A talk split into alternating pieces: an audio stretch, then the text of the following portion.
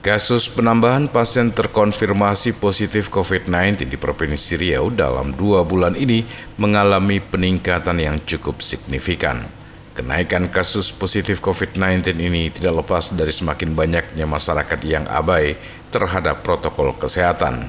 Pemerintah telah berulang kali mengingatkan masyarakat untuk mematuhi protokol kesehatan dengan tetap memakai masker, menjaga jarak, dan selalu mencuci tangan. Kepala Dinas Kesehatan Provinsi Riau, Mimi Yolin Nazir mengatakan, hingga saat ini klaster keluarga masih yang paling banyak terjadi. Jika dalam satu keluarga terdapat kasus positif, selanjutnya dilakukan tracing kontak erat dan hasilnya dalam satu keluarga terkonfirmasi positif. Hal ini terjadi karena ketidakpatuhan masyarakat terhadap protokol kesehatan.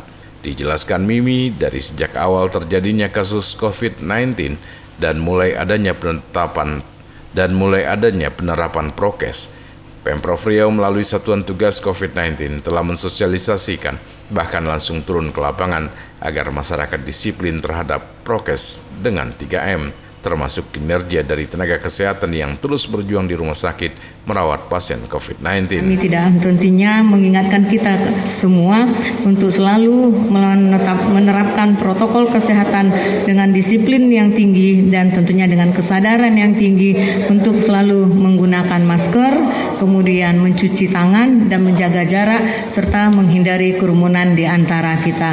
Demikian Bapak Ibu sekalian dan sekali lagi mari kita berperilaku perilaku hidup bersih dan sehat dengan mengkonsumsi makanan yang bergizi dengan melakukan prioritasnya adalah sayur dan buah serta melakukan aktivitas fisik secara rutin dan istirahat yang cukup dan kalau diperlukan mengkonsumsi vitamin. Mimi berharap kepada seluruh masyarakat agar mematuhi apa yang telah menjadi ketetapan pemerintah dan jika ada yang menyatakan pemerintah tidak bekerja dan tidak ada upaya penanggulangan sangat disayangkan karena sejauh ini pihaknya bersama Satgas telah bekerja semaksimal mungkin.